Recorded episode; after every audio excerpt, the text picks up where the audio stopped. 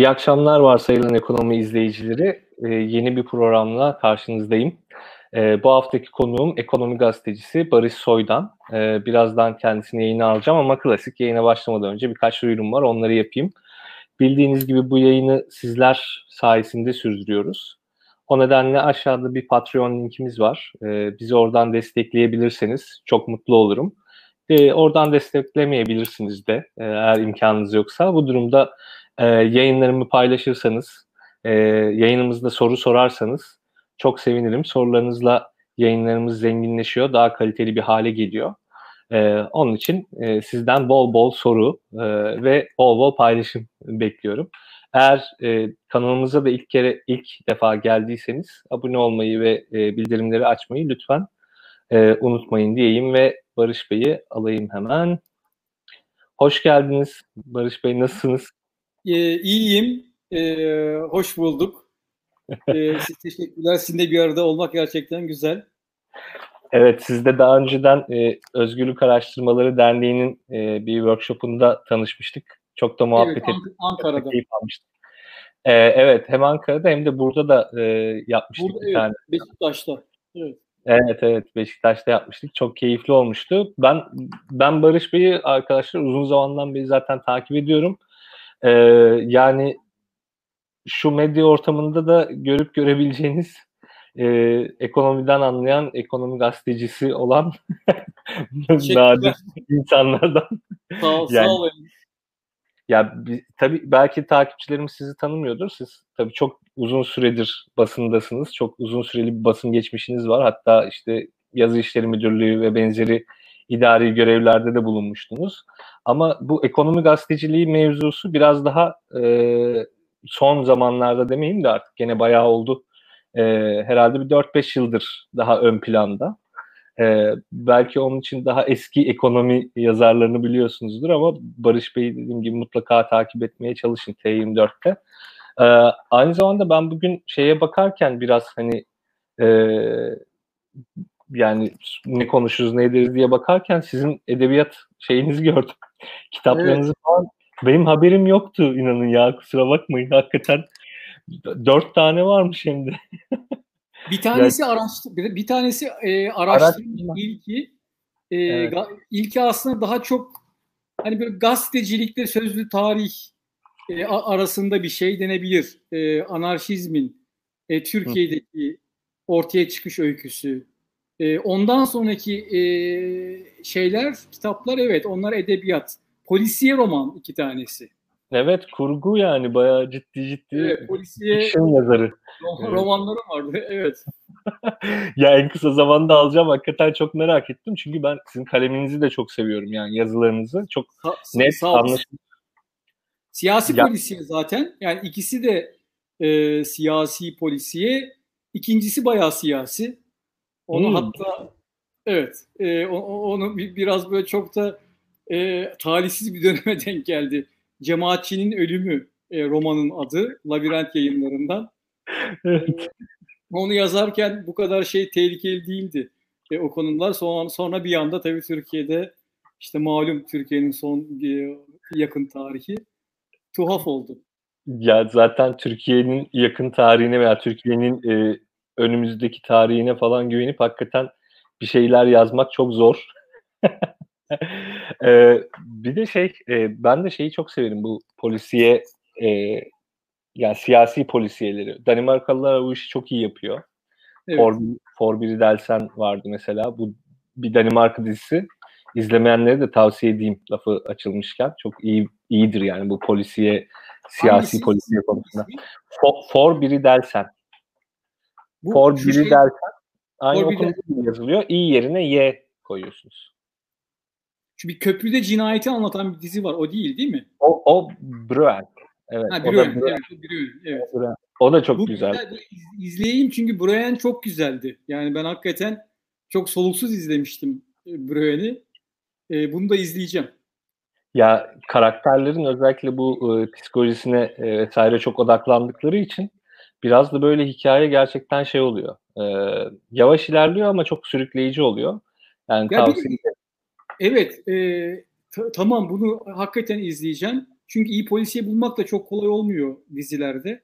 Doğru. İskandinavlar bu işte ha, hakikaten şey e, bir tarihleri ve gelenekleri var. Yani romanda da mesela İsveçliler filan yani bir İskandinav polisiyesi diye bir gerçeklik var. Yani öyle bir öyle bir şey var yani. Hani birçok yazar üretmiş, bir kısmı dünya çapında e, yazar olmuş, çok başyapıtlar çıkarmış bir damar o. Hani dünya edebiyatında İskandinav polisiyesi diye bir damar var.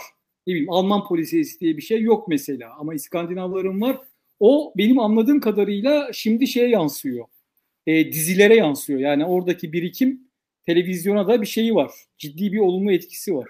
Kesinlikle, kesinlikle. Ee, çok uzun zamandır zaten bu e, şeyleri beceriyorlar. Yani bunlar, yani mesela Forbes'i dersen sanırım 12-13 yıllık bir şey olması lazım şu an. E, Brand de hakeza 10 yıllık vardır. E, evet. Borgen yine güzel bir siyasi diziydi. Danimarka yapımı. O da bayağı e, şeydi. Derli toplu bir şeydi. Neyse hani siyasi diziler, siyasi polisiyeler aşağı yukarı böyle. Polisiyeden başladık. Değil mi? ya işte e, biraz da YouTube'da olmanın bu zaman konusunda da çok hani e, sıkıntı olmamasını falan getirdiği şeyler bunlar. En azından dediğim gibi biraz böyle önden muhabbet etmiş olduk. Keyifli Tabii, oldu. Evet evet yani hani e, polisiye de ciddi bir iş aslında. Hani şey e, diye düşünmemek lazım. Yani Kesinlikle. eskiden eskiden böyle şey diye bakılırdı. Polisiye edebiyat daha böyle hani sanki ikinci sınıf daha böyle marjda kalmış, kıyıda köşede kalmış, çok da ciddiye alınmayacak bir tür gibi bakılırdı. Ama işte Türkiye'de Ahmet Ümit ama dünyada da aslında bu eğilim. Hani polisiyenin biraz daha e, çok daha ciddiye alınması bir, bir vaka, bir gerçeklik. Bunda biraz şeyin de etkisi var. Yani polisiye dünyada da öyle e, şeyi işliyor, toplumsal meseleleri işliyor. E, oysa diğer edebiyat daha böyle hani toplumsal meselelerden uzaklaşıp daha üslup, daha böyle hani sanatsal e, hmm. e, bir alana kaymış durumda. Dolayısıyla oradan kalan boşluğu bir açıdan aslında şey doldurdu. Polisiye edebiyat e, doldurmuş gibi gözüküyor. Biraz onun da etkisi var e, bu kadar ilgi görmesinde. Doğru ya aslında şimdi siz söyleyince fark ettim. Hakikaten öyle. Ee, yani alıcısı da e, polisiyenin bir şekilde bu duruma galiba ısındı artık, aşina oldu. Ee, artık or, orası biraz daha genişleyecek, yürüyecek gibi duruyor. Türkiye'de tabii durumlar biraz daha karmaşık. Hani hala o, o şekilde ilerlemedi iş. Ama belki ileride daha da yaygınlaşabilir bu. Ben yaygınlaşacağını tahmin ediyorum. Yani ben de tahmin ediyorum. Evet. Yavaş yavaş isterseniz biraz yani ekonomi. bizim mevzulara değil mi? Şöyle bir hemen düzeltelim ve kendimizi bir ekonomi mevzularına girelim. şeyine girelim havasına. Değil mi? Ya ilk başta bu ben zaten bu programı neden yapmak istedim? Biraz bu ekonomik söylem üzerinden e, gitmek istedim. Yani siyasetçilerin ekonomik söylemleri ya da işte ekonomi konusunda söylem üretememeleri üzerine. Ki şu an şeyi düşünüyorum. E, yani iktidarı hakikaten ekonomi açısından vurup ekonomi yönünden vurmak çok kolay. Bu konuda söylem üretmek çok çok kolay. Ama hala muhalefette böyle bir e, ekonomik söylem üretme konusunda ben ya aradığımı bulamıyorum. E, hem bu konuları konuşalım ama öncesinde biraz böyle genel ekonomi mevzularından da bahsedebiliriz diye düşünüyorum. Yani mesela şöyle bir soruyla başlayabilirim. İşte son dönemlerde altın çok fazla ve çok hızlı yükseldi. E, bu dünyadaki parasal genişleme e, süreciyle de çok yakından ilintili de bir şey aynı zamanda. E, siz bu konuda hem ne düşünüyorsunuz hem de şu açıdan da yorumlamanızı isteyeceğim. E, Tayyip Erdoğan iktidara geldiğinden beri dünya böyle çok hakikaten yoğun bir parasal genişleme sürecinde ve bu aslında mevcut iktidarların iktidar süresini de uzatan bir şey. Çünkü e, daha fazla kaynak kullanımına el veren bir şey bu durum.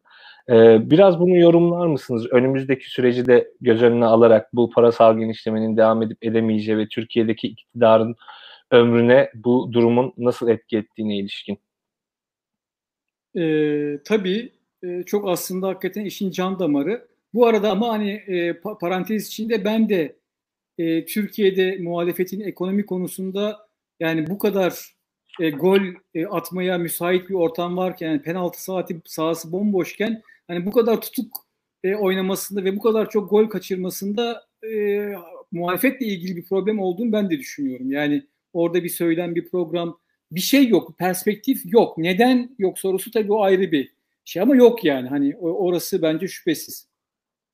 Ya şimdi bu parasal genişleme meselesi hakikaten çok can damar. Yani hani hem AK, AKP'nin son işte 18 yılını açıklıyor ama dünyada da birçok şeyi açıklıyor. Hatta öyle ki ben e, arada bir yani birkaç ayda bir e, Turkey Analyst diye bir İsveç'te e, bir düşünce kuruluşunun sitesi var. Türkiye analizleri e, yayınlıyorlar. Hı hı. E, Silk Road Studies diye orada bir düşünce kuruluşu.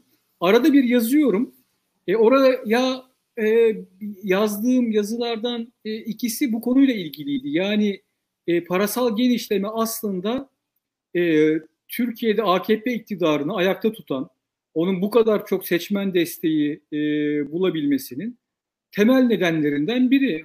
Belki de başlıca sebebi. Sonra ama düşününce aslında baktığımızda bu sadece AKP'nin şan veya Erdoğan'ın şansı değil. Ee, Amerikan Merkez Bankası'nın uyguladığı para politikası aslında bütün dünyada e, bu tek parti iktidarlarını, güçlü adamları, otoriter figürleri ayakta e, tutan, onların ömrünü uzatan e, bir sonuca yol açıyor. Yani Amerikan Merkez Bankası'nın izlediği para politikasının böyle bir sonucu var. Hani şey gibi e, meşhur laf vardır ya e, okyanusta kelebek e, kanat çırpınca Afrika'da e, e, fırtına olurmuş. Yani evet. hani dünyadaki bütün olaylar birbiriyle ilgili. Burada da hakikaten üstelik buradaki tabii bir kelebek değil böyle çok büyük bir yani bir filden bahsediyoruz Amerikan Merkez Bankası. E, kesinlikle öyle. Yani e, bu 2008-2009 küresel krizinden sonra e, Amerikan Merkez Bankası'nın ve ondan e, sonra Avrupa Merkez Bankası'nın, bu arada Japon Merkez Bankası'nın uyguladığı para politikası yani e, bilançoların genişletmeleri, varlık alımları, para pompalamaları e, piyasaya, bu arada faizlerin işte sıfıra e, eksi seviyelere düşmesi trilyonlarca dolarlık e, sermayenin portföy e, yatırımlarının dünyada kendisine yeni e, daha yüksek getiri aramasına yol açtı. Çünkü işte Amerika'da, Avrupa'da getiri oranları düşmüştü. E, getiri peşinde Türkiye gibi ülkelere geldiler. E, nasıl geldiler? E, bankalar yani Türkiye'deki bankalar mesela yani şeyde şöyle gelmediler. Yani işte Amerika'da New York'ta bir tane yatırımcı e, uçağa binip İstanbul'a gelip burada elindeki bavulla tabii ki yatırım aramadı. Şöyle oldu. Türkiye'deki bankalar yani Türk bankaları e, küresel sermaye merkezlerinin işte Londra'da, New York'ta toptan para buldular ucuz maliyetle. O top, toptan parayı aldılar, getirdiler Türkiye'ye ve e, kredi olarak dağıttılar. Bu bugün işte 330 veya biraz düştü. Şey, 300 milyar dolar civarında bir özel sermaye borcu, özel özel sektörün borcundan bahsediyoruz biliyorsunuz. Türkiye'nin 2002 senesinde yani AKP iktidara geldiğinde dış borcu 130 milyar dolardı. E, bugün 440 milyar dolar. E, 18 e, yılda e, 330 e, milyon, milyar dolar arttı. Yani müthiş bir artış var aslında. Bir patlama var. Nereden geldi o para? İşte böyle geldi. Yani o para e, şeyden e, Amerika'dan, Japonya'dan, diğer e, sermaye Londra'dan e, diğer hani sermayenin yoğunlaştığı yerlerden çok büyük oranda Türk bankaları aracılığıyla kredi şeklinde geldi ve bunun bir takım sonuçları oldu. Yani bunun sadece ekonomik değil politik sonuçları da oldu. E, ekonomik sonuçlarını biliyoruz ama biraz daha ben somutlaş, somutlaştırayım. E, ben bunu birkaç yazımda bahsettim.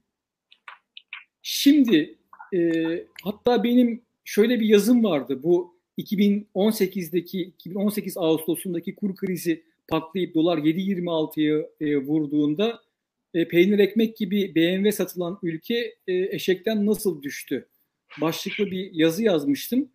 Onu da e, şuna dayandırmıştım. E, ondan birkaç sene önce işte 2014'lerde, e, 2013'lerde, 2014'lerde Türkiye'de hakikaten peynir ekmek gibi BMW satılıyordu. O sırada ben BMW'nin alt bayilerinden birinin e, CEO'suyla görüşmüştüm ve demiştim demişti ki e, şu an e, şey e, e, eskiden BMW alamayan e, ciddi sayıda bir kitle yani orta sınıfın biraz daha alt kesimleri peynir ekmek gibi BMW alıyor demişti. Bunun iki sebebi vardı. Bir, faiz 0.54'tü. 0.54 e, hiç unutmuyorum. Bugün düşünelim hani kamu bankaları faizi indirdi 0.64'e çekti. E, şey sübvansiyonlu bir şekilde ekonomiyi canlandırmak için. O gün faiz oranı ondan bile düşüktü. Bir. Ama ondan da önemli e, sebep Türk lirasının çok değerli hale gelmesiydi. Yani unutmayalım bir ara bu ülkede bir dolar, bir TL olur mu diye konuşuldu. Bunun konuşulduğu yıllarda bir TL zaten bir buçuk, pardon bir dolar zaten bir buçuk TL'ydi. Yani bu çok büyük bir hayal falan değildi. Hakikaten bir lira olabilirdi dolar. Öyle bir gidişat vardı. TL çok güçlenmişti. Yani aşırı güçlendiği, aşırı değerlendiği e, bir dönemden geçti ve bu nasıl oldu? İşte bu şey de oldu. yurt dışında yurt dışından akan, oluk oluk akan yüz milyarlarca dolarlık kredi, kısa vadeli sermaye yatırımı sayesinde mümkün oldu. Peki o paralar Türkiye'ye niçin geldi? Türkiye'nin kaşı, kara kaşına, kara gözüne mi geldi? Evet bir miktarda mesela Türkiye'nin Avrupa Birliği hikayesine geldi o paraların yani, bir kısmı. Yani. Unutmayalım. Yani ben şeyi hiç unutmuyorum. 2000 bu işlerin zirvesi 2007 yılında Amerikan Newsweek dergisi e, Cool İstanbul diye bir kapak yapmıştı. Cool İstanbul. Yani İstanbul o kadar popülerdi ki 2007 senesinde Newsweek'e kapak olmuştu. Ama tabii o yıllar böyle hani daha AKP'nin e, hani bugünkünden çok başka bir parti olduğu yıllardı ve onun tabii ki etkisi vardı. Yani o havanın hani İstanbul böyle çok e, trendy bir şehir e, olmasının etkisini etkisi de vardı e, uluslararası sermayenin Türkiye'ye gelmesinde. Ama tabii ki bunun arkasında aynı zamanda özellikle 2008-9 krizinden sonra e, işte o Amerikan Merkez Bankası ve diğer merkez bankalarının izlediği parasal genişleme politikasının çok büyük etkisi var. Buna şuradan bunu şöyle bağlayayım. Hani konuş bu, bu sorunun başında cevabımın başında Turkey Analist'te yazdığım yazıydan başlamıştım. O ben yazıları yazdıktan sonra şöyle bir şey düşündüm hatta. Ya bu aslında hani ben bunu anlattım. Bu AKP için bu e, AKP'yi ayakta tutuyor. Yani bir, bir anlamda AKP'ye koltuk değnekliği yaptı uzun süre Amerikan Merkez Bankası'nın politikaları şu anda da yapabilir. Çünkü yeniden bir parasal genişleme var. Ya bu aslında sadece Erdoğan'la ilgili problem değil. Dünyanın birçok ülkesinde aslında otoriter figürler Amerikan Merkez Bankası'nın bu politikasından çok büyük fayda sağladı. Yani Amerikan Bankası, Merkez Bankası FED farkında olmadan dünyada otoriter figürlere çalıştı. Bunu aslında birilerinin oturup hani bu işle ilgili İngilizce belki de bir kitap yazması lazım. Yani bu hani Amerikan Merkez Bankası'na bunu göstermek gerekiyor. Onlar elbette bir kısmını biliyordur ama bunu biraz daha popüler seviyede ifade etmek, anlatmak lazım. Böyle bir problem var kardeşim. Hani sizin izlediğiniz politikaların gelişmekte olan ülkelerde, bizim gibi ülkelerde, başka ülkelerde hiç sizin tahmin edemediğiniz türden politik sonuçları oluyor. Ee, diye yazmak lazım. Ben hala bu alanın e, şey böyle hani bir e, şeye yani doldurulmaya ihtiyaç duyan uluslararası düzeyde tabii ki yani böyle bir kuş bakışı bütün dünyayı Türkiye'yi de kapsayacak ama başka ülkeleri de içerecek bir çalışmaya ihtiyaç duyduğunu düşünüyorum. Ya ben, ya ben Business Week'e benzer bir şey yazmıştım da hani bu kadar ayrıntılı değil tabii. Benzer bir şey yazmıştım. Zaten soru da oradan aklıma geldi. Yani bu adamlar tam pilleri bittiği anda yeniden yeniden güç kazanıyorlar. Ee, bunun da aslında şeyden dolayı olduğunu düşünüyorum. Yani şimdi hep Çin'den bahsediliyor. Tamam Çin işte e, Afrika'daki e, rejimlere can suyu veriyor ve o can suyunu da Afrika'daki otoriter hatta totaliter rejimler işte bir şekilde e, dağıtım mekanizması kurarak iktidarlarını sürdürülebilir kılıyorlar. Evet Çin bunu yapıyor. Bu tamam bu aşikar, bu cepte. Bunda bir sıkıntı yok ama diğeri de çok kötü bir teşvik sistemi yani. Sürekli bu parasal genişleme zaten e, yani gelişmekte olan ülkeleri enflasyon açısından da çok kötü vurmuş durumda. E, yani ben 90'lardaki e, yeniden yani 90'lara benzeyen bir enflasyonist sürece girer miyiz diye açıkçası korkuyorum yani bazen. Şimdi en son bir e, karşılaştırma yapmıştım. Hani 94'teki faiz oranları şey e, enflasyon oranlarıyla işte 2002'deki enflasyon oranları diye. E, gene 94'te Türkiye'yi %79 faiz falan da şey enflasyon Brezilya'da yüzde 900, Kazakistan'da yüzde 1400, Arjantin'de yüzde 500 falan. Ya yani 90'larda böyle enflasyon oranları var. Şimdi Türk Türkiye ve dünyadaki diğer geri kalan gelişmekte olan ülkeler böyle bir sürece tekrar girer mi diye açıkçası yani bir çekiniyor insan. O kadar yüksek oranlar büyük ihtimal görmeyiz ama halen e, enflasyonunu indirememiş birçok gelişmekte olan ülke var. Öte yandan dediğim gibi yani Çin'inki çok aşikar bir şekilde yapıldığı için e, fark etmiyoruz. Yani onlarınki teşvik e, ya da bir müşevvik değil. E, direkt doğrudan yapıyorlar bu işi. Ama ABD Merkez Bankası'nın yaptığı, işte onun da peşine tabii Japon Merkez Bankası takıldı, Avrupa Birliği Merkez Bankası takıldı. E, bu büyük merkez bankalarının yürüttüğü bu süreç hakikaten çok kötü bir teşvik sistemi. İnanılmaz bir şey. Yani kötü politikayı ödüllendiren bir sistem. Tabii bunlara yani bir yandan da şöyle diyemiyoruz ya kardeşim siz bunu kısın işte bizim otoriter rejimler gitsin falan diyemiyoruz. Çünkü adamlar aslında kendi ekonomilerini gözeterek yapıyorlar bunu yani. Tabii e, elbette. Ee, ya orada hakikaten bu emme basma tulumbanı nasıl tersine çeviririz, nasıl değiştirebiliriz bu sistemi inanın ben de bilemiyorum. Sadece sorunu tespit edebiliyorum. Bu sistem nasıl tersine döner o konuda benim de çok bir fikrim yok. Sizin bir fikriniz var mı bu konuda? Ne, ne yapılabilir? Ya da en azından biz ne yapabiliriz? Biz şimdi periferide kalmış, gelişmekte olan ülke çocuğu olarak biz neler yapabiliriz ki bu konuda? Ya şimdi aslında bu tabii bence dünya için çok yeni bir durum. Yani küreselleşme e, dünyayı değiştirdi ve bugün yani eskiden e, Türkiye'de Amerikan Merkez Bankası'nın Fed'in e, şeyleri, e, para politikası, ne bileyim işsizlik başvuruları, işte tarım dışı iş, iş, istihdam verisi, e, PMI verisi Amerika'nın izlenmezdi. Çünkü Amerikan ekonomisinin Türkiye etkisi çok sınırlıydı. Ülkeler birbirinden çok kopuktu. Bu iş değişti bugün. İşte Bloomberg HT televizyonuna hepimiz arada sırada bakıyoruzdur. Sürekli şey veriyorlar e, işte Amerika'daki verileri veriyorlar. Çünkü on, sadece onlar değil gerçekten piyasa yani piyasa derken tahvil piyasasını borsa kastediyorum. E, borsayı hakikaten çok etkiliyor Amerika'daki gelişmeler. Yani e, çok ciddi oranda etkiliyor. Yani hani oradaki tarım dışı isti, işsizlik verisi Amerikan borsasını etkiliyor. Amerikan borsasının gelişmeleri e, Türkiye'deki borsayı günü gününe etkiliyor. Bu ama bu şimdi yeni bir gelişme. Yeni derken yani 90'larda yoktu bu. Yani 90'larda e, Türkiye borsası e, bu kadar e, uluslararası ekonomideki gelişmelere göbekten bağlı değildi. Dünya küreselleşti. Yani meşhur deyimle e, hakikaten küresel bir köye dönüştü. Bunun bu tabii e, hani şöyledir ya hep. Yani bir ekonomik değişim olur. E, sonra yasal değişim, hani mevzuat değişimi bunu daha sonra arkadan takip eder. Yani önce hayat değişir, önce ekonomi değişir, sonra şey yani siyaset e, ve regülasyonlar onu takip etmeye çalışır.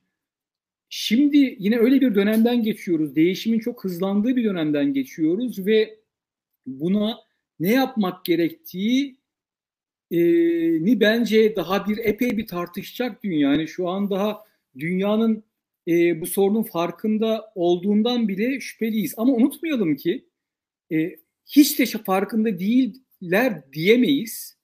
E, çünkü biliyorsunuz bu şeyden sonra Covid salgını patladıktan sonra e, Amerikan Merkez Bankası 13-14 tane ülkenin Merkez Bankası'yla swap anlaşması yaptı.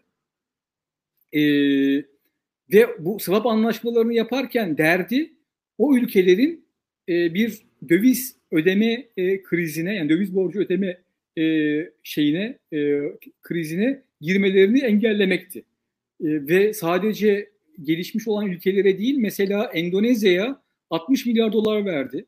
Ya swap'la ya repo'yla. Brezilya Merkez Bankası'na verdi.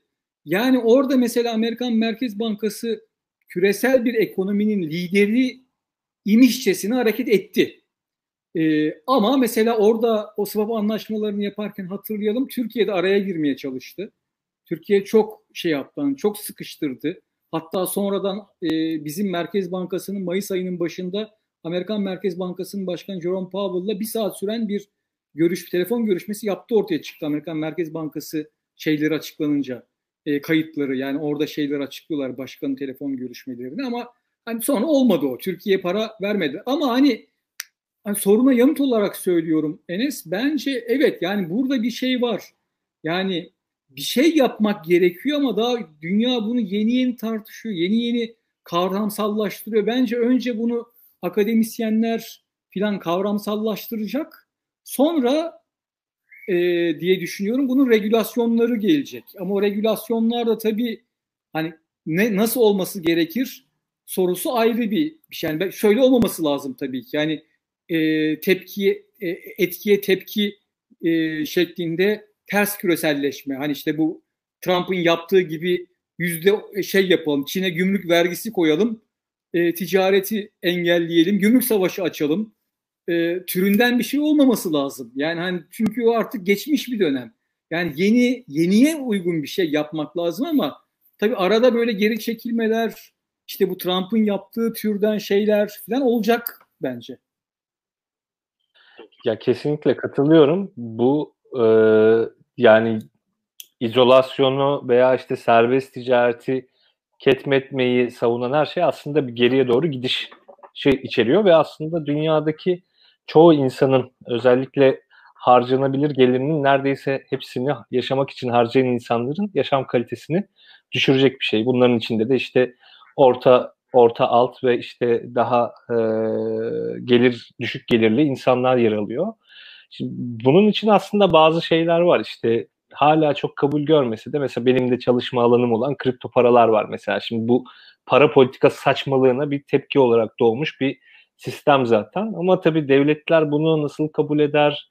İşte bu konvansiyonel banka sistemlerine bu kripto paralar nasıl uyum sağlar veya bankalar bu sistemlere uyum sağlayabilir mi? Tabii bunların hepsi deneniyor, bakılıyor.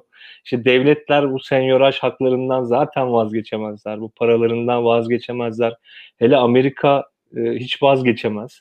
Yani doların egemenliği e, o kadar fazla dolarize olmuş ekonomi var ki yani dünyada. Yani çok zor tabii bunları kırmak ama işte ya Avusturya İktisat Okulu'nun da katkısıyla ortaya çıkan bir sistem var işte Bitcoin gibi bir şey mesela. Ama bunlar tabii hep bir deneme. Yani belki ileride başka bir şey olacak daha farklı bir şey olacak ve bir sonuç ortaya çıkacak ki bunlar da küreselleşmenin önüne ket vuran sistemler değil daha da hatta yaygınlaştıran e, sistemler. Hatta or, olabildiğince aracıları ortadan kaldıran olabildiğince bu para politikası saçmalıklarını ortadan kaldıran şeyler veya kaldırmaya çalışan şeyler. Ama zaman ne gösterecek tabii bilmiyoruz.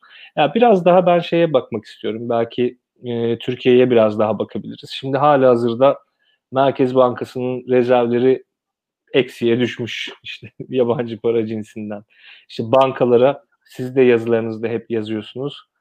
Ya kredi ver baskısı var. Ama biz bankalarla görüştüğümüzde şöyle bir şey alıyoruz. Bu kredilerin hakikaten ihtiyaç sahibi yani sermaye ihtiyacı olan kimseye gitmediğini e, neredeyse e, öğreniyoruz. Daha çok işte kredi skoru yüksek olan e, ya da hali hazırda bankanın e, müşterisi olup kredi müşterisi olup kredisini düzenli ödeyebilen insanlara bu e, BDDK'nın açıkladığı rasyoları tutturabilmek için ekstra yeniden hani ihtiyacı olmasa dahi kredi verildiğini görüyoruz. Hatta geçen hafta bir arkadaşım beni aradı şey sordu. Ya elimde bir trilyon civarı bir şey var hani kredi verdiler ne yapayım falan gibi yani ya niye verdiler? Cevabı yok işte. Hani bu dönemde zaten çok düzgün bir e, sermaye yeterliği falan da düzgün olan bir yer. Banka bunlara vermiş bir şekilde. Yani çok düşük de bir faizden verdiği için bu da almış. Hani, hani birazını altın alıyor, işte birazına dolar alıyor, birazını mevduata bırakıyor vesaire vesaire. Hani çünkü bir yatırım ihtiyacı falan da yok. Böyle araba yeniliyor insanlar. Bir şeyler yapıyor. Böyle saçma sapan bir sistem şu an gidiyor. Bu da e, garip bir şekilde e, hepimizin aslında vergilerinden e, toparlanan şeye de yansıyacak çok kısa bir evet. süre sonra. Yansımaya bile başladı. Bu sürecin sonu ne olur yani Türkiye için sizce? Yani bence de e, çok yani saçma sapan denebilecek neredeyse bir dönemden geçiyoruz. İşte kredi pompalayarak ekonomiyi bir an önce ayağa kaldırmaya çalışıyor eko, ekonomi yönetimi. E, ama başka ülkelerde böyle yapılmadı. Biliyoruz bunu. Yani başka öneriler de vardı. İşte Amerika, Almanya falan hani zor durumdaki e, şeye, işletmelere e, direkt doğrudan gelir desteği sağladı mesela. Tamam Türkiye'de böyle bir para yok çünkü bitirildi geçen sene işte Merkez Bankası'nın ihtiyat akçesi hazineye de, devrolundu filan. Dolayısıyla kasada para kalmamıştı gibi gözüküyor. Gerçi o da tartışmalı çünkü işsizlik fonunda mesela ciddi bir para var.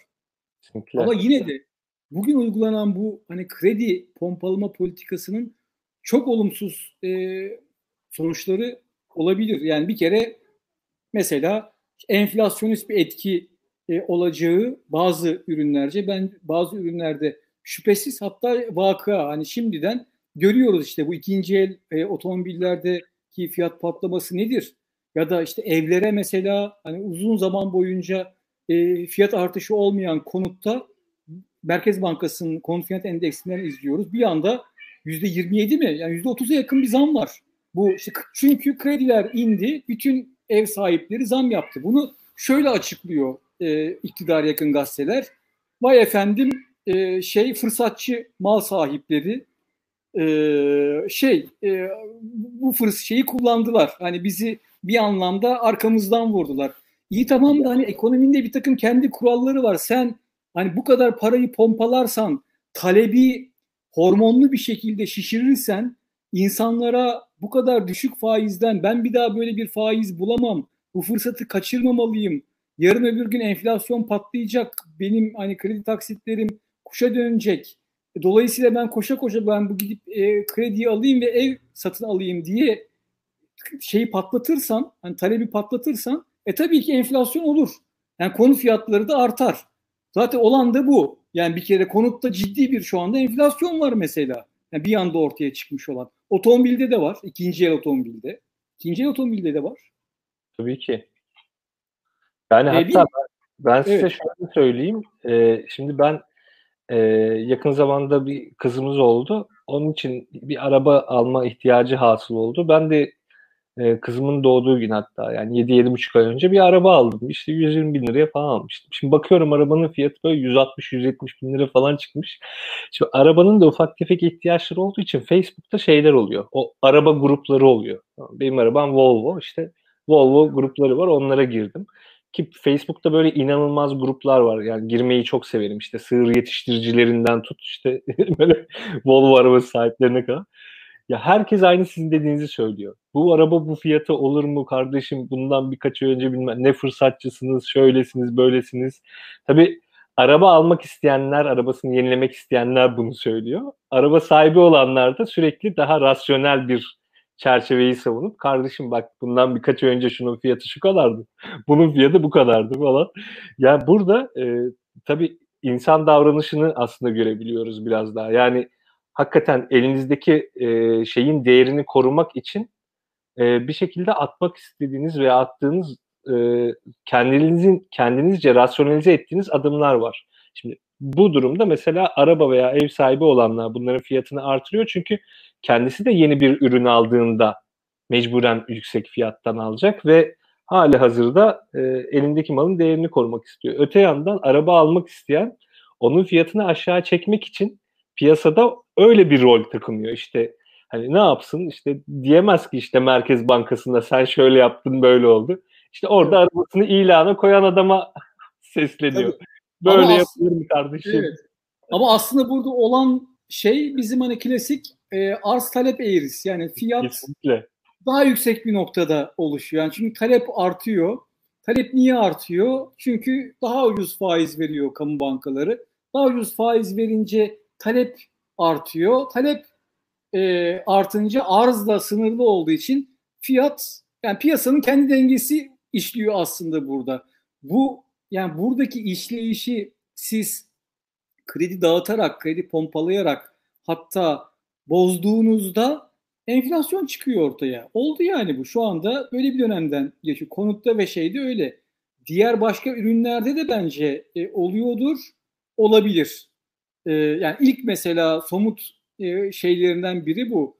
E, yan etkilerinden biri, biri bu. Tabii uzun vadede yani bir başka sorun da bu krediler bir gün geri ödenecek. Yani e, bu krediler geri ödenecek ve ödenebilecek mi? Şimdi bankaların şeyleri, e, bilançoları ne kadar bozulacak? Fitch mesela Uluslararası Kredi Derecelendirme Kuruluşu geçtiğimiz günlerde dedi ki bankaların e, şeyi e, yani zordaki kredileri yüzde 20'yi geçecek 2001 yılında. Gerçi, müthiş bir oran bu. Yani bu çok evet. müthiş bir oran. Yani yüzde evet. %25'te bir bunun normali e, yani yüzde iki üç olması lazım. Yani en fazla. Evet. Tabii. Gerçi o şeyi kastediyor. Yani bu şimdi ikinci e, bu ikinci aşama, ikinci grup kredi denilen yani bir yakın izlemedekiler yani bir tahsili gecikmiş olanlar artı yakın izlemedekiler e, de e, hesaba katarak söylüyor ama hepimiz biliyoruz ki zaten birçok kredi iktidarın e, isteğiyle BDDK'nın nasıl olduğunu bilmiyoruz hangi süreçte ama aslında aslında batık e, kredilerin önemli bir kısmı yakın izlemede gösteriliyor. Yani ikinci grupta gösteriliyor. E, dolayısıyla aslında bankaların açıkladığı resmi oranlardan daha yüksek olduğu yönünde ciddi şüpheler var. Yani bu şüpheleri biz okuyoruz. Yabancı yatırımcı raporlarından, işte kredi derecelendirme kuruş, kuruluşlarının, Bloomberg'ün e, bir takım e, haberlerinden okuyoruz. Dolayısıyla bu kredi furyasının yani banka bilançolarını e, bozma endişesi çok insanda var. Bende de var. Yani birçok e, insanda var. Ya bu da hani Türkiye için e, hakikaten çok büyük probleme e, dönüşebilir. Çünkü hani banka şu ana kadar hani bankacılık e, buraya kadar gelmeyi başardı. Krizde şey yapmadan, eğilmeden, bükülmeden. 2018 sonrasında işte reel sektör ciddi şekilde etkilendi. Bankacılık sirayet etti, etmedi, sıçramadı şey kriz, o kur krizi. Ama hani bu şekilde devam ederse, böyle devam ederse yani bu hızda eğer devam ederse bir iki sene sonra hakikaten bankacılığa da sıçrayabilir e, mesele, sıkıntı. Ya o zaman hakikaten Türkiye ekonomisi işte 2001 krizinden biliyoruz hani bankacılığa sıçradığında işlerin ne noktaya e, varabileceğini. Ama Gerçekten. şu aralar Enes belki biliyorsun hani bu çok çok çok yeni gelişme. Hani son birkaç gündür ya bir haftadır diyelim şey konuşuluyor. Piyasada bir şey lafı var. Bankalar frene basacak kredide. Hani şey uyandı. Ekonomi yönetimi hani bu işin iyi gitme iyiye gitmediğini yani bu hızla giderse ya bu işin sonunun kötü olacağını fark etti ve bankalarda frene basacak diye bir laf var.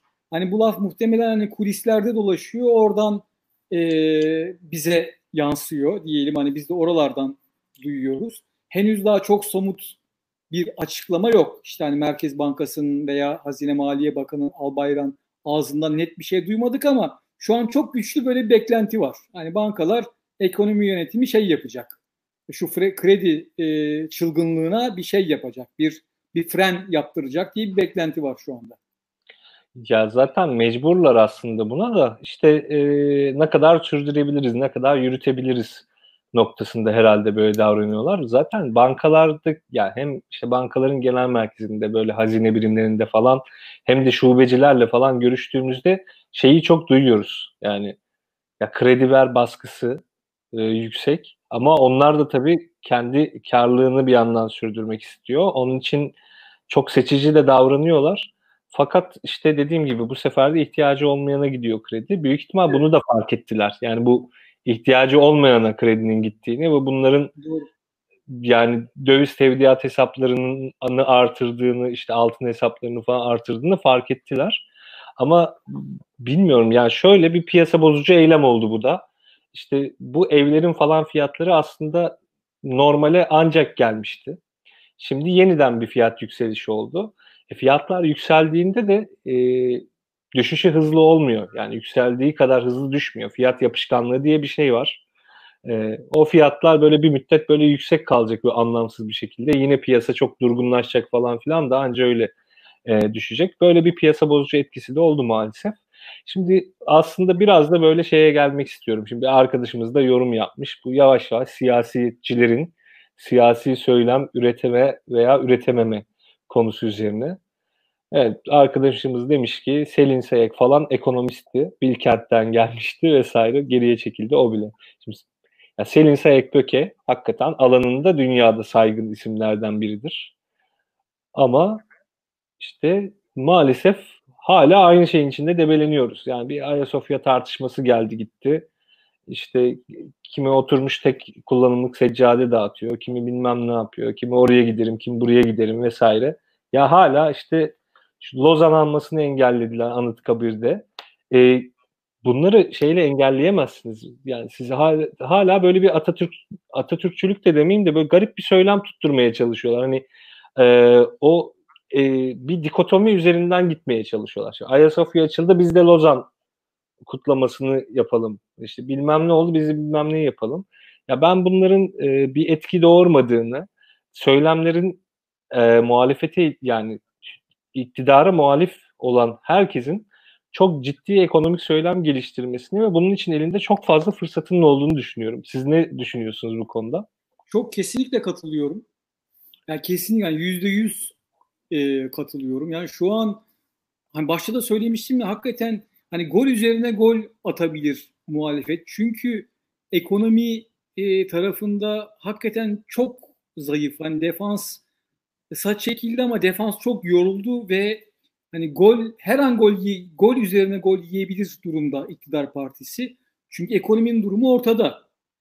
Kötü yani. Kötü. Yani ciddi şekilde e, e, Türkiye e, iyi gitmiyor ekonomi tarafında. Ne zamandan beri iyi gitmiyor? İşte 2017 yılından filan beri iyi gitmiyor. Yani kriz üzerine kriz kur tarafında yaşadık. E, o reel sektöre sıçradı. Dolar bir ara 7.26'yı geçti mi? Geçti. Sonra e, fa- faizi e, şok faiz artımı 4-5 puan faiz arttırdılar mı? Arttırdılar. E, sonra buna sinirlenip faizi işte %24'ten %8.25'e indirmek için Merkez Bankası'nı değiştirdiler mi? Değiştirdiler. Sanki yani faiz inince her şey çözülecekmiş havası yarattı mı e, Cumhurbaşkanı? Yarattı. E, indirdiniz mi? İndirdik. %8-25'e çektiler bir senede. %24'tü geçen sene bu aylarda. Hiç unutmuyorum Murat Çetinkaya eski baştan başkan görevden alındı. Temmuz ayıydı ve bir ay bir yıl içinde yani %24'ten %8-25'e iyi indi. Tamam güzel. E ne oldu sonuçta? Canlandı mı? Yani yatırımlar arttı mı? Ee, ekonomi canlandı mı? Denebilir ki şu anda Covid'deyiz. Ama Covid'den önce de yatırımlarda bir ciddi bir canlılık falan yoktu.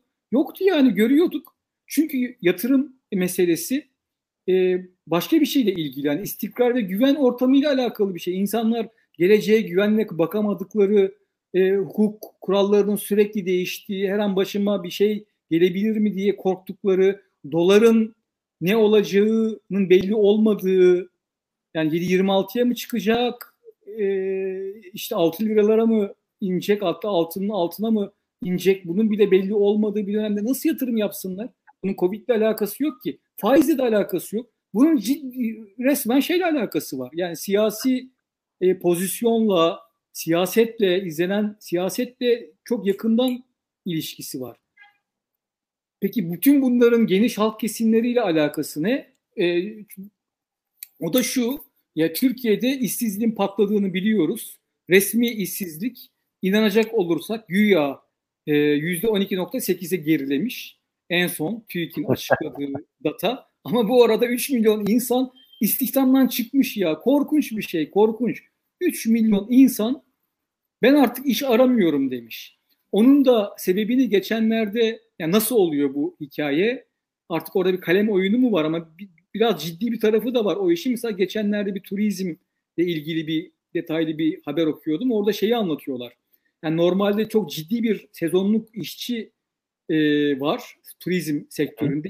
İlk iki buçuk milyon deniyor e, sezonluk işçi. Yani bunların neredeyse tamamı e, şeyi bırakmış durumda. İşte Antalya, diğer Muğla, Fethiye vesaireye gelip her yaz e, çalışan bu kesim, Diyarbakır'dan, Karadeniz'den gelen bu kesim şeyine ya hiç gelmemiş ya geri dönmüş şehirlerine işsiz bekliyor. Şimdi milyonlarca insan turizmde, başka yerlerde milyonlarca insan genç işsizliği biliyoruz. Hani ne eğitimde ne e, işte olan orada da müthiş bir kitle var. Niye var bu e, bu kadar çok işsiz? E, sadece Covid değil. Çünkü yatırım yok. Yani çünkü fabrika yok. Çünkü başka yerlerde insanlar işte para harcamıyor, yatırım yapmıyor. Yatırım yapılmayınca tabii ki e, yeni istihdam olmuyor. Ve yatırım olmaması da e, direkt izlenen siyasi politikalarla ilgili. Bu arada tabii ki ekonomi politikalarıyla da yakından ilişkilenen sadece kredileri 0.64'e indirip ekonomi canlandıracağını e, düşünen bir ekonomi yönetimiyle yani 3-5 tane daha yeni inşaat projesiyle işleri çözebileceğini düşen düşünen bir e, yönetimle karşı karşıyayız. Dolayısıyla evet yani hani soruya yanıt olarak söylüyorum. Bence de muhalefet partileri için hani gol atmaya, politika geliştirmeye çok müsait bir dönemdeyiz şu an. Yani 2017 öyle değildik mesela kabul edelim. Hani başkanlık referandumunun yapıldığı yıl böyle değildi. Yani o zamanlar hani 2017'nin sonuna kadar özellikle sonbahar aylarına kadar döndürüyordu tekerleği e, iktidar. Ama o günden bu yana hani son 3 yılda e, böyle aşağı yuvarlanarak aşağıya e, şey yapan, yuvarlanan bir ekonomiyle karşı karşıyayız ama ona karşılık e, işte e, senin de söylediğin gibi e, iktidarın söyleminin peşine takılan, Ayasofya'ya Lozan'la cevap ver, e, vermeye çalışan, hani ekonomiye ilgili gündeminde pek bir şey olmayan, yani işsizlikle ilgili söyleyeceği şeyi sadece yani TÜİK işsizlik verilerini açıkladığında ayda bir kez ayın ortasında yani TÜİK açıklayacak muhalefet de çıkıp sen yalan söylüyorsun demekten başka aklına bir şey gelmeyen farklı bir şey yapamayan maalesef bir e, muhalefette de hakikaten üzücü yani işin doğrusu. Samimi söylüyorum. Ya şimdi şöyle bir şey oldu. Ben şimdi dikkat ediyorum son zamanlarda iktidardan çok muhalefeti eleştiriyorum. bir yandan böyle içim acıyor tamam mı? Ama bir yandan da zaten iktidarın neyini eleştireyim ya ben? Hani ben benim buradan yapabileceğim şey ne ki? Şimdi önceden şey yapardık işte ben Üç Ay Hareketi diye bir e, derneğimiz vardı, bir gençlik derneği. İşte onun başkanıyken ya da orada görev alırken falan yani sansür olurdu internet sansürü. Sırtımıza bilgisayar alır, İstiklal Caddesi'ne çıkar çöpe atardık. İşte ne bileyim bir kötü hareket mi oldu? Alırdık elimize pankartları İstiklal Caddesi'nde şöyle bir 40-50 adım geri geri yürürdük. Yok demokrasiden geriye dönüş yok falan derdik. Yani böyle ufak çaplı simgesel şeyler yapardık. Şimdi bunları dahi yapma imkanımız yok. Şimdi siyasi partiler bu konuda insanlara bir şekilde yol ve ön açmalı ki insanlar tepkisini gösterebilsin. Ya bir kişi de çıkıp yapmıyor ki ya faizleri sen buradan buraya getirdin. Enflasyonu o kadar Ali Cengiz oyuna rağmen indiremedin. Hani faiz enflasyonun sebebiydi. Ya al eline bir pankart kardeşim. İstiklal Caddesi'ne çık 5 tane milletvekili. Ya bak o zaman peşinden birileri geliyor mu gelmiyor mu? Ya bak o zaman sen haber oluyor musun olmuyor musun? Yani sürekli aynı şey içerisinde dolanıyoruz. İşte e, vay efendim medya gitti bilmem ne gitti falan oldu filan oldu. E medya gitti tamam da medya önceden de gidikti zaten. Hani gene yani insanların bu kadar boğucu bir ortam yoktu ama yani gerçek insanların gerçek dertlerine çoğu zaman gözleri kapalı bir medya vardı. Yani ben 30 e, kaç ya 33 yaşındayım artık. Çok yaşlandığım için yaşımı sayamıyorum. 33 yaşındayım. Aklım yettiğinden beri bu iş aşağı yukarı böyle. Yani herkes yine medyadan, herkes yine iktidardan yakınır. Ama ben inanamıyorum ya. Yani sizce yani muhalefet nasıl bir yöntem benimsemeli? Şimdi en azından şeye sevindim bir an. Deva Partisi baktım ekonomi kadrosu güçlü. Gelecek Partisi baktım ekonomi kadrosu güçlü. Hatta Kerim Röta'yı yani Kerim Bey'i bir kere yayına da aldım sizin gibi konuk ettim. Yani diğer arkadaşları da var yani partinin içerisinde. Gelecek Partisi güçlü dediğim gibi. Şey güçlü. CHP'de de değerli insanlar var. Bu söylem üretebilecek potansiyeli olan insanlar da var. Ellerinde ciddi yani ajanslarla çalışabilecekleri vesaire e, Ya maddi imkanları da var e, CHP'nin ve İyi Parti'nin. Ya ama Deva Partisi'nin de geleceğinde kadroları güçlü. Şimdi bu insanların siyasetçilerin ne yapması lazım sizce e, iktidara karşı ekonomik söylemlerini güçlendirebilmeleri için? Yani bence iki şey yapmak lazım. Ee, birincisi program ortaya koymaları lazım. Yani işte dünyada böyle olduğunu biliyoruz. Şeyler, muhalefet partileri e, seçimler öncesinde çok detaylı e, şeyler açıklıyorlar. E, programlar hazırlıyorlar ve e, açıklıyorlar. Yani iktidara mevcut iktidar partisinin neleri yanlış yaptığını, kendilerinin buna karşılık hangi politikaları izleyeceklerini, işte eğitimde, enerjide, e, başka alanlarda söylüyorlar. Bu konuda çalışıyorlar üzerinde ciddi bir şekilde ve daha sonra bunu kamuoyuna deklare ediyorlar. İşte mesela şeyi biliyorduk, e, çok tartışıldığı için e, söylüyorum. E, Bernie Sanders Amerika'da kaybetti Demokrat Partilerin Demokrat Parti aday adayıydı biliyorsunuz başkanlık seçimleri için. Hı Bernie Sanders'la yarıştı. Bir ara hatta öndeydi. Ondan sonra Bernie Sanders e, şey, e, Joe Biden'la yarıştı Bernie Sanders. Joe Biden daha sonra Obama'nın desteğini alıp geçti. Bernie Sanders'ın e, vaatleri arasında çok büyük bir yeşil ekonomi e, yatırımı vaadi vardı. Tam rakam hatırlamıyorum. 50 trilyon dolar mı? Hani çok uçuk bulunmuştu zaten. İşte tüm kömür santrallerini kapatmak, tümüyle yenilenebilir enerjiye geçmek vesaire gibi e, böyle detaylı çalışılmış hani bunları böyle işte şu jeotermal enerjiye şu kadar yatırım yapacağım e, filan diyen böyle hani çok detaya kadar inen bir programdan bahsediyor e, bahsediyordu e, Bernie Sanders. İngiltere'de de geçtiğimiz yıl seçimler oldu. E, orada da e, şeyi e, Jeremy Corbyn İşçi Partisi'nin e, şeyi e, o, o dönemdeki e, başkanı ve başbakan e, adayı çok detaylı program açıklamış. Türkiye'de böyle bir gelenek yok. Yani Türkiye'de e, şeyleri muhalefet partileri özellikle de CHP hani İyi Parti'de de çok fa- sanki farklı bir şey göremiyoruz. Yok. HDP'de de çok sanki ben hani açıkçası yani bir takım böyle hani içi doldurulmamış çok genel geçer. Biraz hani bol keseden denebilecek vaatler dışında detaylı çalışılmış ne bileyim işte enerjide e, yenilenebilir de şunu yapacağım, jeotermal, jeotermale şöyle bir fiyat politikası izleyeceğim, nükleerde benim şeyim şudur, pozisyonum e, şudur, e, hani şu sektörleri ben özellikle e, destekleme kapsamına alacağım. İnşaata ama buna karşılık şöyle bir falan gibi böyle çok detaylı üzerinde siyasetçiler, akademisyenler ve diğer hani alanlarından insanların kafa patlatıp oluşturduğu, ortaya çıkardığı bir seçim programı, bir taahhüt, bir vaatler bütünü göremiyoruz muhalefet partilerinden. Şimdi niye göremiyoruz da bir sorusu ayrı acaba onların da işine mi gelmiyor? Çünkü onlar da aslında çıkar gruplarından oluşuyor. Yani şimdi inşaata nasıl laf söyleyebilir CHP? O da var yani çünkü inşaat lobisinin etkili olduğunu biliyoruz e, CHP'de. Yani hani ama öbür taraftan hani Selin Sayek, Böke gibi gerçekten çok parlak iktisatçılar e, da var. E, çok parlak ekonomistler de var ama onların sözü CHP'nin ana politikasını şekillendirme, onların gücü CHP'nin ana politikasını şekillendirmeye bir türlü yetmiyor. Yani bugüne kadar yetmedi. Yani Selin Sayek Böke tek başına bir ekonomist olarak çıkıp konuşuyor. CHP'li, e, CHP milletvekili olarak ama yani hani onu bir CHP'nin bir sistemli biçimde politikalar manzumesi haline getirdiğini görmedik. Görmüyoruz e, doğrusu. İkincisi biraz tabii burada hani şey de önemli. Yani bu sadece program değil tabii ki.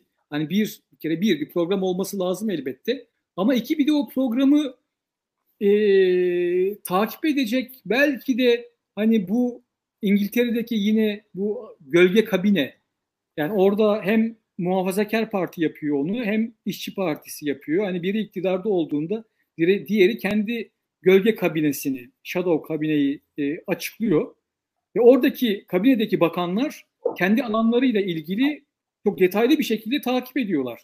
Yani şimdi mesela Türkiye'nin gündeminde çok detay bir takım bir sürü mesele var ekonominin gündeminde. Yani hani şeyden mesela e, enerjide bir takım meseleler var. Hani nükleer var, kömür santrallerine yatırımlar var. Çalışmayla ilgili, enflasyonla ilgili, tarımla ilgili mesela tarım hani çok geniş kitleleri ilgilendiren bir mesele değil mi? Hani tarımla ilgili devasa meseleler var. Ama bunların hepsi böyle detay çalışılması e, gereken ve hani CHP'de ya da İyi Parti'de, HDP'de ya da diğer partilerde hani o işin uzmanlarının takip edip raporlar hazırlayıp kamuoyuna bilgilendirmeler yapacakları, hükümetin nerelerde e, yanlış yaptığı hatta Türkiye uçuruma sürüklediği eğer öyle düşünüyorlarsa açıklamaları lazım ama bu konuda da böyle bir hani CHP'de mesela kimdir? Enerji politikalarını kime sormalıyız? Hani enerji CHP iktidara gelse enerji ne yapacak? Ben bilmiyorum mesela bu sorunun cevabını. Hakikaten hakikaten ne yapacak mesela? Hani benim kafamda enerjiyle ilgili çok çok kesin sor, sorular var. Mesela kömür santralleri sürmeli mi? İklim e, değişikliği bu kadar gündemdeyken ama diğer yandan Türkiye'nin e, cari açık dolayısıyla petrole olan bağımlılığı da demokrasinin kılıcı gibi tepemize sallanıyorken. Mesela güneş e, santralleri neden yaygınlaşamıyor bir türlü Türkiye'de? Ne oldu yani? Rüzgar santrallerine destek verilmeli mi? İşte jeotermal yenilenebilir deniyor ama Ege'deki köyler rahatsız o ne olacak? E, nükleer enerji var Akkuyu'da. Yani o, o nükleer enerji toptan kapatacak mı CHP iktidara geldiğinde? Hani Rusya ile anlaşmayı iptal mi edecek? Eyvallah öyleyse de ama bu sorularımın hiçbir konusunda bakın samimi söylüyorum ki ben hani ekonomi gazetecisi yazar olarak, yazar olarak günü gününe izliyorum e, gündemi. Hani CHP'nin şu konulardan hani kömür, rüzgar, güneş, nükleer, jeotermal, e, biyoenerji, atıktan enerji, e, atık şehir atıklarının enerjiye dönüştürülmesi, bunun yabancı sermayeyle mi, yerli sermayeyle mi yapılacak? İşte e, bütün bu konularda hakikaten CHP'den bugüne kadar hiçbir şey duymadım. Varsa da kendilerine saklıyorlar. Bu sadece bir örnek yani. Şimdi enerjiden baktık. Hani bunun tarımı var, sporu var, maliyesi var, eğitimi var. Hani var oğlu var. Yani hakikaten bir muhalefet sorunu var bence Türkiye'de. Şimdi şey de tabii çok acı. en son oraya gel geliyoruz sürekli yani. yani insanlar da böyle şimdi muhalefeti eleştiremiyor. Ben de aslında şey yapıyorum. Yani çünkü ya ne yapalım eleştiremek de istemiyoruz ama ya umudumuz olduğu için ya kardeşim bizim sizde Tabii. umudumuz var. Bir yol açın, bir yol gösterin, bir ön alın bazı mevzularda. Ya mecburen hani aslında bu tam şey de değil. Ee, ya sonuçta yerden yere vurmuyoruz. Ya bunların hepsi bir yandan da öneri yani. Keşke hani bu bir sürü insan bu önerileri yapıyor bu arada. Ya bir türlü bu işleri kurumsallaştıramadılar. Ben ona yanıyorum. Hadi Deva Partisi, Gelecek Partisi işte bunlar küçük partiler zaten yeni kuruldular. Kaynağı yok, bir şey yok. Ya İyi Parti'nin içerisinde ya yüz binlerce adam var. Zaten insan kaynağı problemi yok. Ya arasalar tarasalar bulurlar. Ya da deseler ki işte Barış Bey, işte Enes Bey hadi bize bir bilmem ne konusunda bir politika notu yazın ya iki sayfalık falan deseler ya bir sürü insan yazar ya. Yani bulurlar yani yazdıracak insan. Yani sonuçta çok angarya bir şey olmadığı sürece hakikaten bu işlere bir şekilde insanlar angaja olur. CHP'nin zaten yani hem maddi imkanı var hem insan kaynağı da çok. Yani nasıl yapamıyorlar? Benim aklım hafsalam almıyor. Hala işte ya garip garip motorları işte maviliklere sürmeceler bilmem neler falan. Yani e, bir türlü yani mesela tarım konusunda CHP'nin en etkili söylemi şeydi ya. Muharrem İnce zamanında hani kasket takıp bir traktörle e, benzin almıştı ya işte benzin indirimi yok falan demişti. ya saçma ama bir şekilde piyasada tutan söylem aşağı yukarı o zaman olduğu için işte en etkilisi oydu. Yani düşünebiliyor musunuz? Yani en etkili söylem bu. Yani artık şeyden de çıktım. Ya bu işin gerçeklerinden ya da işte öngörülerden, analizlerden de çıktım. Ya çıkın bir şey söyleyin yani bir şey söyleyin ki biz hani biz belki bizim önümüz açılacak yani siz bir şey söylerseniz belki biz daha da e, gerçek, daha da doğru, daha da iyi başka şeyler söyleyebileceğiz. Şu an onlar hiç konuşmadığı için biz de konuşamıyoruz. Yani ben çok hakikaten muzdaribim ya. Biraz da çok konuştum sizin. Evet. ben, de bir düşünce kuruluşu kurun. Yani Amerika'da var değil mi? İşte şeye demokratlara yakın Brookings, e, Brookings Enstitüsü var. Başka bir takım yine onlara yakın, muhafazakarlara yakın var. Yani partilere yakın bir takım düşünce kuruluşları var. Yani CHP'de ya da hani kuramıyorsanız yasa olarak destekleyin. Yani hani bunun şeyini zeminini yaratın. Para mı yok? Yani paranın hani bu, diyelim ki yok. Hani sanmıyoruz ama hani olmadığını varsayalım. Hani bu konuda hani milyonlarca de, de, seçmeni olan, üyesi olan bir partiden bahsediyoruz. Yani çağrı yapın. Hani böyle bir şey kuruyoruz. Buna çünkü ihtiyacımız var deyin. Hani bizim düşünce üreteceğiz artık. Hani böyle bir yapının önünü açın. Yani bu e, konularda evet yani e, şey yani maalesef yani maalesef hani ben içinde değilim şahsen. Hani CHP'yi bilmiyorum, İyi Parti'yi de bilmiyorum. HDP'yi de çok bilmiyorum hani CHP için duyduklarım ben çok kadroların yani içeride profesyonel siyaset yapan kadroların e, seçmen kitlesine nazaran daha nasıl diyelim şimdi hani tabii kötü bir şey söylemek de istemiyoruz çünkü onlar da bu zor zamanlarında hani e, zor bir iş üstleniyorlar ama hani eğitim seviyesi olarak filan biraz daha geri olduğu e, yönünde hani çok şey duyuyoruz. O, o, bunun için de hani kadrolarını yenilemesi için partinin açması lazım. Yani bunu aslında Gezi'den sonra biliyorsunuz Gezi'den sonra bir ara çok gündemdeydi. Yani gençler girmeye çalıştı e, CHP'ye ve muhalefet partilerine ama sonra hani benim duyduğum hani her giren o gezi gençliğinden her giren hayal kırıklığına uğradı diye duyuyoruz, dinliyoruz yani. Hani böyle çok umut, bu değil çok umutsuz hikayeler ben dinledim şahsen o, o genç arkadaşlardan. Ya sormayın. Şimdi yorumlardan birkaç bir şey alacağım. Ondan sonra kapatalım ama bu siyasetle ilgili bir şeyle ben en azından vurgulayayım. Ya CHP dediğiniz gibi Gezi'den sonra inanılmaz bir potansiyel oluştu. Yani bu gençlerin veya işte e, orta yaşa daha yakınsamış olan insanların bir siyasete girmesi yönünde bir hakikaten arzu oluştu ve o insanlar siyasete girecekti. Burada birkaç etken e, şey yaptı. Bu insanları geriye çektirdi. Bir, CHP'de işte bu insanların karşılaştığı sorunlar gibi. Yani adam girdiği her partide orada bir yerleşik yapı var. Particilik oynayan birkaç tip var. Böyle onlara takılıyor. Bir sürekli bir engel e, oluşuyor karşısında. İki, o Gezi'nin devinimini alıp işte Birleşik Haziran Hareketi diye e, bir es, yani esbabı mucibesinin ne olduğunu da çözemediğimiz bir şeye dönüştürdüler. Orada da tüm söylem sanki bir devrim bilmem ne e, üzerine kuruluymuş gibi hareket ettiler. O da çok etkili oldu. Yani bu insanlar Gezi devinimini kendi partilerinde sürdüremediler. Çünkü Gezi çalındı e, bir ekip tarafından. Ama ben şunu söyleyeyim ya Liberal Demokrat Parti ya yani kaç bin oy alan bir parti hiç bir oy moy almıyor yani işte yani yanlışlıkla mı veriyor millet ne oluyor böyle bir 15-20 bin oy alan bir parti. Ya o zaman hani biz de tabii liberaliz falan biraz daha da genciz. İşte ben çok şey değildim ama bir arkadaşım partinin de o zaman böyle e, sosyal medyasını falan da yapıyorlar.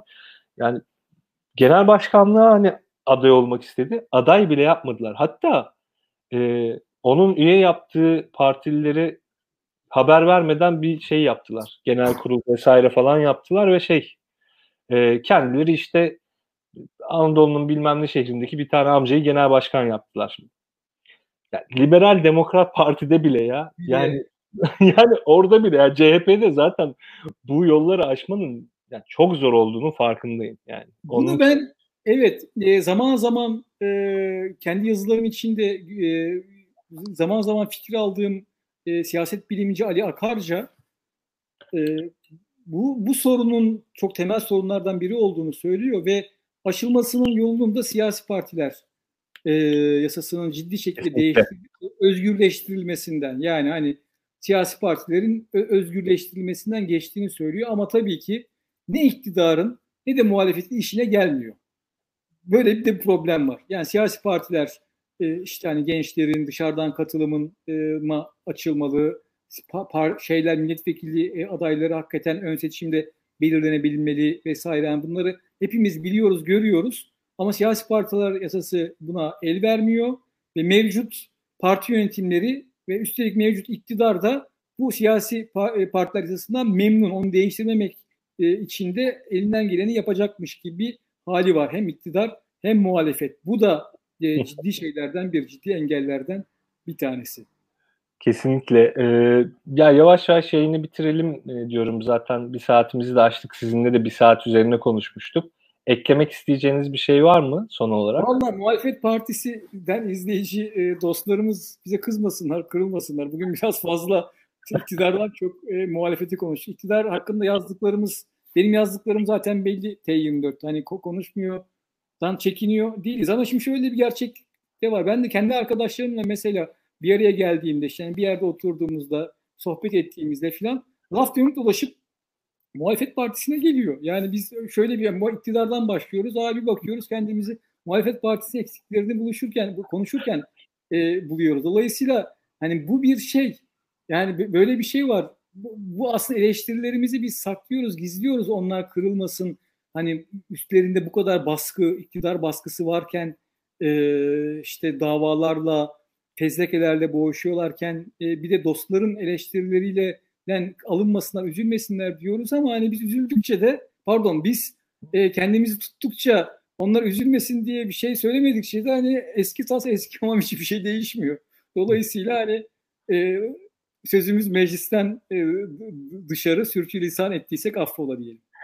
Eyvallah. Şimdi bitirmeden önce bir iki yorum okuyayım en azından. Ee, evet, Selin Seyit Böke çözüm adına detaylı ve gerçekçi öneriler sunuyor. Fakat bu politikalar CHP tarafından öne çıkarılmıyor demiş bir arkadaşımız. Biraz önce bahsettiklerimizi teyit eder nitelikte bu. Yani Selin Hoca büyük ihtimal kendini çok geri çekmemiş olabilir ama tek başına ne kadar söylem üretecek ki zaten.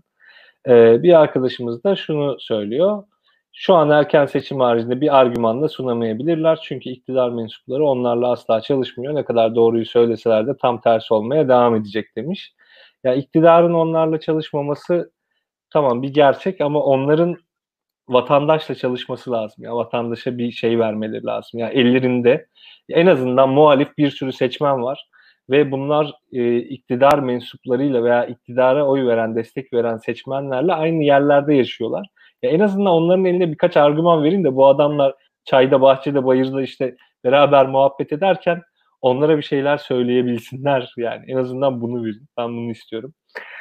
Ee, çok teşekkür ederim Barış Bey e, katıldığınız için. Keyifli e, katıldığınız için. E, umarım en kısa zamanda e, Covid işleri de hazır biraz yavaşlamışken yüz yüze de bir görüşürüz, ederiz, e, muhabbet ederiz. Çok sevindim ben bugün burada olduğunuz için. Umarım izleyicilerimiz de çok keyif almıştır. Sizi ben e, yavaştan uğurlayayım ve birkaç duyuru yapayım yine bitirmeden istiyorum. Hoşçakalın. Hoşçakalın. Ee, arkadaşlar programı bitirmeden birkaç duyuru yapayım tekrardan. Başında da demiştim. Ee, biz sizin desteklerinizle sürdürüyoruz bu yayınları. Onun için bizi Patreon'dan destekleyebilirseniz çok sevinirim. Aşağıda Patreon linkimiz var. Görebilirsiniz. Ee, oradan destekleyemeyecek durumdaysanız da bu yayınımızı paylaşırsanız e, yayının e, ilgisini çekebilecek yani yayının e, yayınla ilgilenebilecek arkadaşlarınız varsa ona, onlara iletebilirseniz çok sevinirim. E, eğer ilk defa izliyorsanız benim programı ve Daktilo 1984 YouTube kanalında bir programı e, kanalımıza da abone olup bildirimleri açarsanız gerçekten çok mutlu oluruz. Bir de beğen tuşuna basmayı unutmayın diye eklemiş Efe. Çok teşekkür ederim beni izlediğiniz için. E, haftaya yine başka bir konu ve konukla karşınızda olmaya çalışacağım. Umarım olabilirim. Şimdilik kendinize iyi bakın. Hoşçakalın.